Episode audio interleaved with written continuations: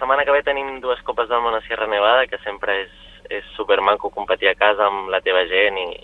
i sempre hi ha més pressió, però, però bueno, espera sempre fer-ho una mica millor a casa.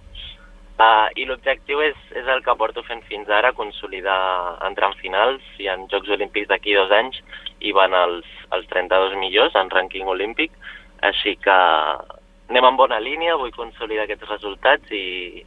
i somiant una miqueta més, doncs aviam si puc passar alguna ronda i estar una mica més endavant del rànquing. Amb aquestes cinc setmanes tenim set copes del món i amb el que portem des de novembre fins ara n'hem fet cinc. Vull dir, l'organització d'aquest any ha sigut bastant caòtica, és el que té aquest esport i més amb la situació que tenim de neu actualment, que, que de fet encara no està confirmat 100% segur que es faci aquesta setmana la, la competició, però bueno, el meu esport és així, uh, vivim molt en el dia a dia, de cop i volta ens fan canvis de calendaris que, que ens diuen que d'aquí tres dies marxem dues setmanes i bueno, aprens a conviure amb això i, i amb, amb la sort de poder tenir competicions. Serà un mes molt dur, però espero que, que vagi molt bé.